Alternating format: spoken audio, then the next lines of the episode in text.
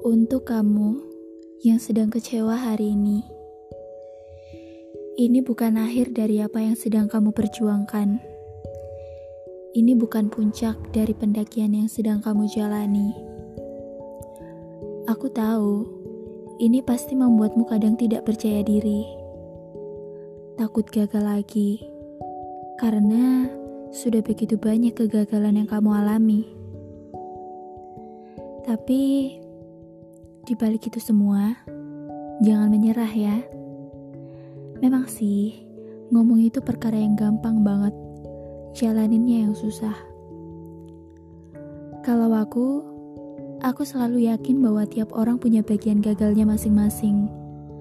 Dan saat ini, anggap saja kamu sedang menghabiskan bagian gagal milikmu.